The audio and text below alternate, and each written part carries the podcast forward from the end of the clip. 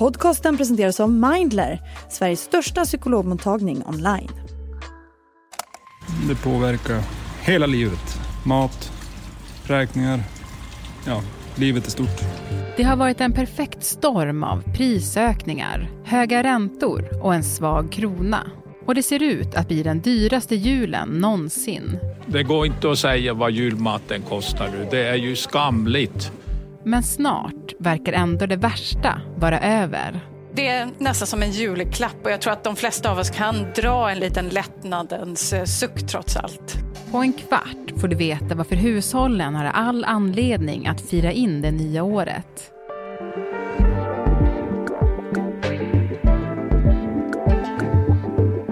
Det är den 19 december. Det här är dagens story från Svenska Dagbladet med mig, Alexandra Karlsson. Gäster idag, Sara Brännström och Johan Karlström, reportrar på SvD Näringsliv. Hörni, kommer det här bli den dyraste julen genom tiderna? Ja, det kommer det definitivt att bli. Jag menar, priserna stiger ju varje år, men de här två senaste åren har de ju stigit exceptionellt mycket, så absolut. Särskilt med tanke på att julen är en högtid där vi köper väldigt mycket mat och ägnar oss åt att äta mm. så kommer det att märkas i plånboken. Mm.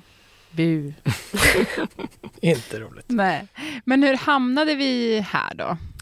Ja, alltså den korta versionen är ju det vi hade ju en pandemi och då kunde vi inte spendera så mycket pengar. Och sen ville vi spendera pengar för det kunde vi. Vi hade ju sparat alla de här pengarna och vi sprang ut och vi åt en massa mat på restaurang.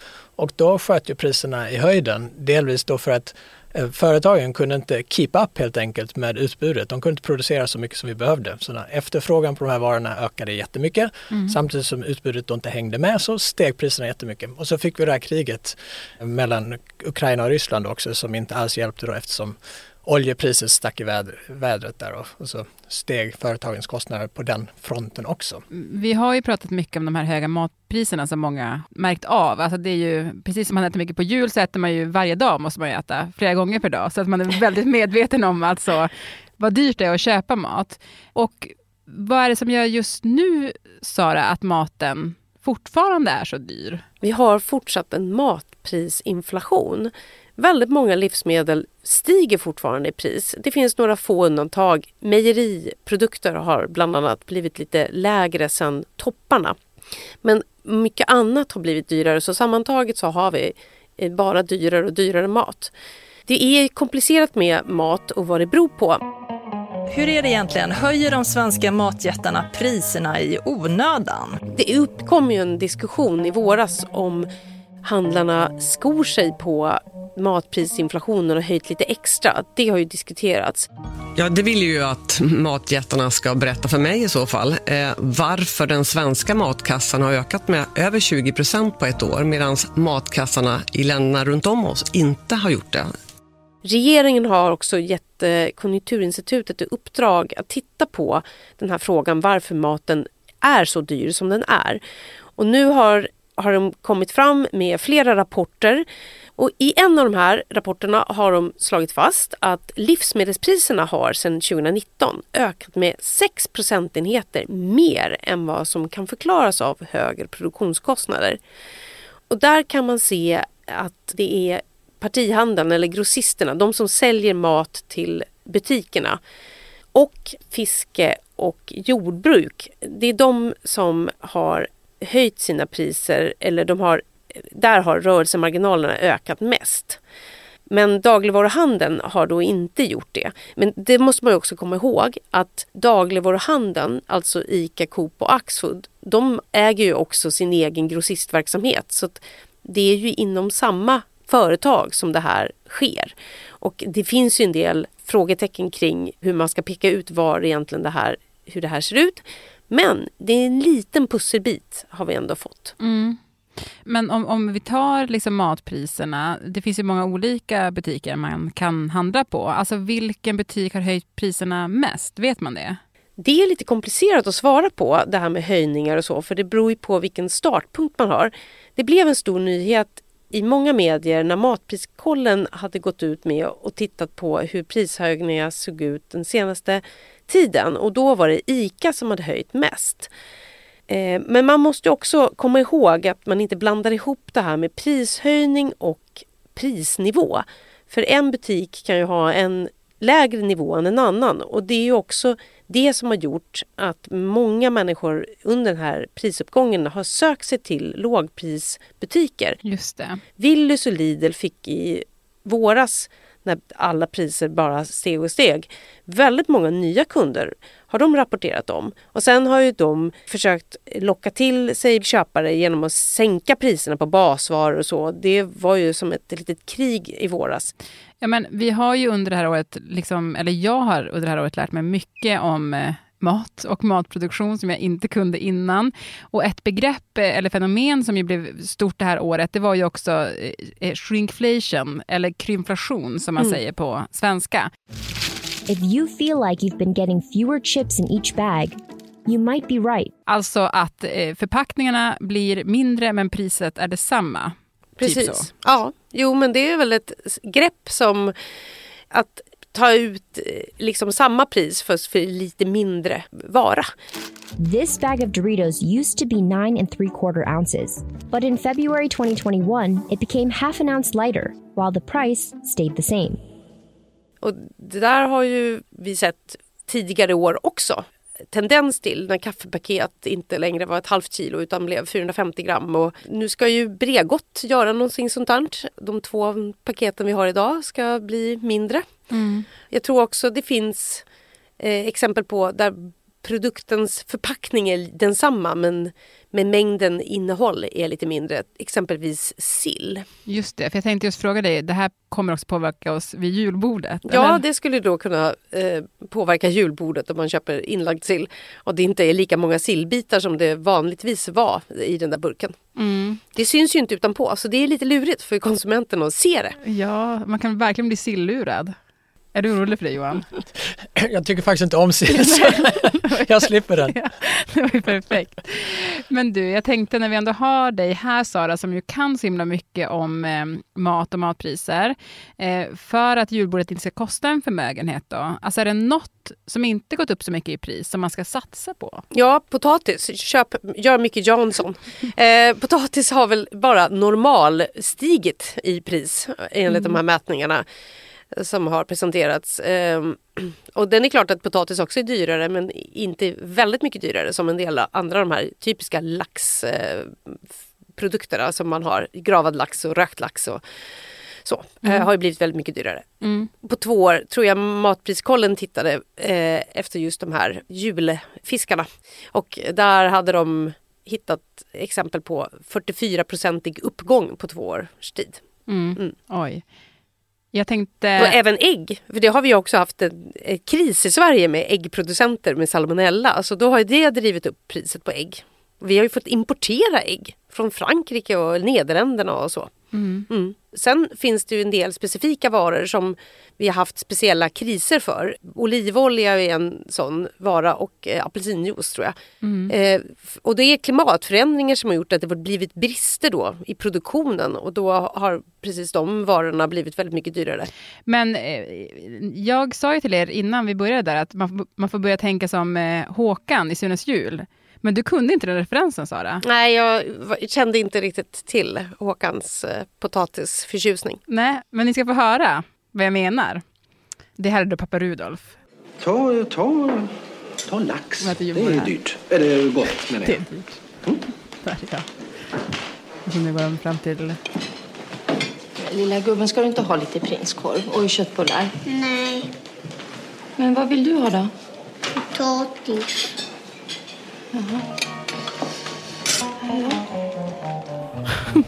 Eh, förlåt, jag älskar ju Sunes jul. Jag tycker det verkligen är så himla... Det är verkligen så att man får börja leva som, som Håkan nu då.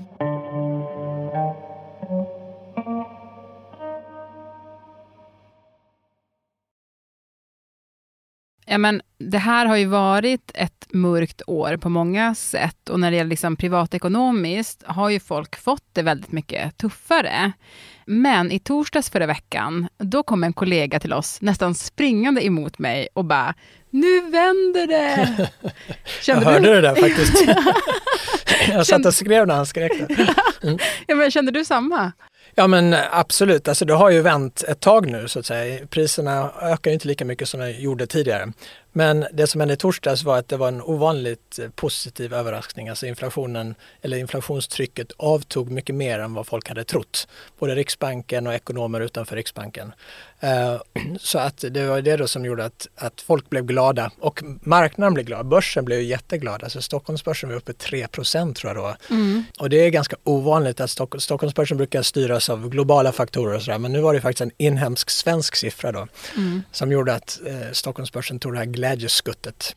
Kanske tog man lite intryck också av beskedet som kom dagen innan från Federal Reserve som fick eh, Dow Jones att nå rekordnivå och eh, andra börsyra i USA.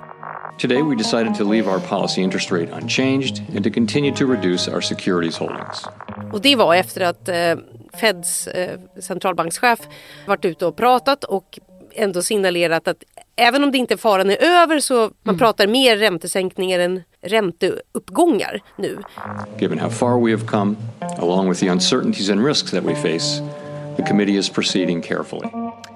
Och det är ju också ett tecken på att vi har nått en platå. Och det är inte vi som gör det, det är USA. Men de ligger också steget före oss. Mm. Och det där beror nu också på eh, vad, vi, vad vi får för effekter i Sverige. Och hur den svenska riksbanken kommer att agera.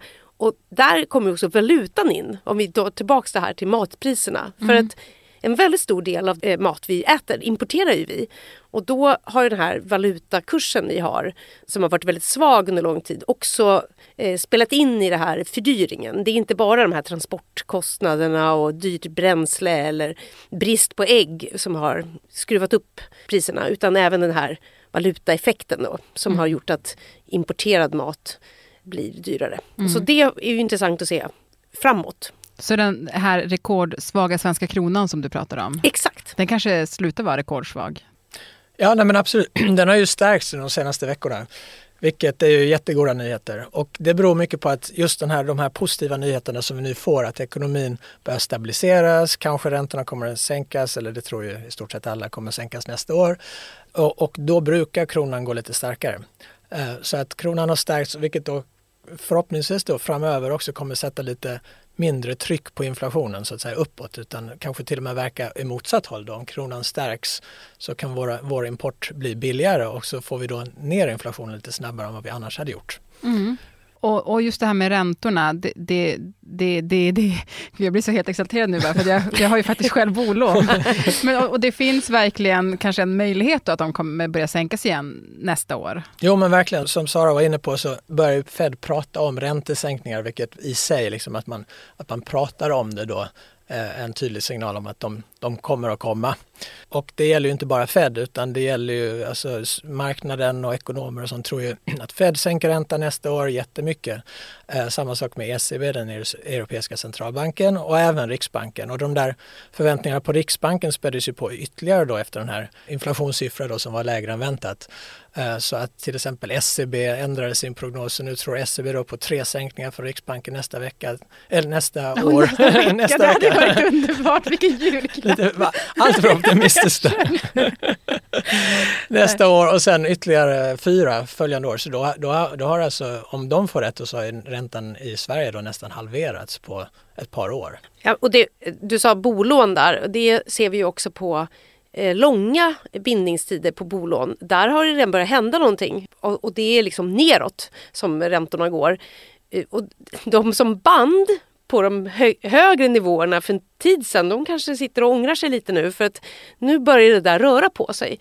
Det är klart att man inte ska vara så här halleluja kanske än, för det fanns också signaler från USA där med Fed att eh, man måste liksom noga följa varje statistiksiffra innan man kan liksom ropa hej ordentligt. Och så tror jag Thedéen också kommer att resonera. Att, Riksbankschefen? Ja, precis. För de har investerat så mycket i att försöka trycka ner inflationen. Så att jag tror ingen centralbank eh, vill liksom släppa taget om det där utan man vill hålla i. Liksom. Mm. ECB, den europeiska centralbanken, kom ju också med besked. Och där blev marknaden lite besviken. De trodde kanske de skulle prata om räntesänkningar och det ville egentligen inte ECB. Och det handlar om att de vill inte skicka ut de här förväntningarna så att hushållen kan slappna av och börja shoppa loss. Och Riksbanken har en liknande strategi. De pratar inte gärna om räntesänkningar och i deras, de har ju en prognos för räntan. Och i den här prognosen så syns inga räntesänkningar på väldigt lång tid. Nej, och vad, tror, eller vad säger Riksbanken om räntesänkningar? Nej, men Riksbanken tror att vi ligger kvar här på de här 4 procenten ett par år till i alla fall och sen inga stora sänkningar heller efter det. Mm. Och bara för att, eh, för, för, att förstå eh, er smarta människor så är det så här att Riksbanken känner så här, eh, om Erik Thedéen, riksbankschef, går ut och säger så här, oh, skönt, nu kanske vi börjar sänka, då är han rädd att så här, jag tar mina pengar, jag går och shoppar och det drar på inflationen igen. Ja, men precis. Då, ja, precis. Ja. Då, då, kan ju, då kan ju folk ta av de här besparingarna som de kanske fortfarande har kvar. Men bara för att man har besparingar kvar betyder inte att man kommer att använda dem. Men, men om man då känner att nej, men det blir ljusare här om några månader, då kanske man vågar ta lite mer av sina, fortsätta ta sina besparingar och då shoppa och då drivs efterfrågan på och då kanske det blir svårare att få ner inflationen. Just det. Det finns ju andra delar i ekonomin också som är fortsatt lite osäkert och det är arbetsmarknaden. Vi har ju pratat om att vi är i en recession där BNP-tillväxten inte är så hög som den har varit. Och om eh, vissa företag behöver friställa människor, det vill säga de blir utan jobb och inte hittar några nya. Och så det där kan också då bli en spiral som fortsätter. Mm. På ett sätt kan man säga att ja, men inflationen är på väg ner, räntorna är på väg ned. Men den här arbetslösheten som Sara pratar om, den, det är inte så att när det går dåligt i ekonomin så ökar arbetslösheten med en gång utan företag väntar lite, de måste varsla och så vidare. Så det är egentligen först nu på senaste tiden som vi har sett att arbetslösheten har stigit och prognosmakare tror att den kommer fortsätta stiga, så det är en lite dålig nyhet. Mm. Men, men, kan man sammanfatta det som att ni två lä kommer lämna 2023 ändå rätt positiva? Absolut. Jag menar, det, det mesta pekar mot att åt, åt rätt håll. Och man har ju pratat, det här oron för de här räntehöjningarna har ju varit att man kanske har tagit i för mycket då, att man liksom verkligen sänker ekonomin men det finns ju faktiskt ganska mycket som talar för att vi kan få en sån här så kallad mjuklandning när det går lite sämre men inte jättemycket sämre och samtidigt då lyckas vi få ner inflationen. Mm. Och ska man vara lite dysterkvist så är det ju så här att vi, det är alltid saker som vi inte vet. Precis den här tiden för ett par år sedan så visste vi inte att det skulle bli en invasion av Ukraina. Vi visste inte åren dessförinnan att vi skulle ha en pandemi. Det, det finns ju alltid sådana här saker som bara kommer och överraskar oss som ingen prognosmakare har liksom ens funderat på skulle kunna hända. Och vi vet ju inte någonting om vad nästa år egentligen innehåller. Nej, nej men det är sant. Vi får hoppas att det kan vara något positivt. Precis. 2024. Det kan vara på uppsidan, mm. absolut. Hörni, tack så jättemycket. Tack själv. Tack.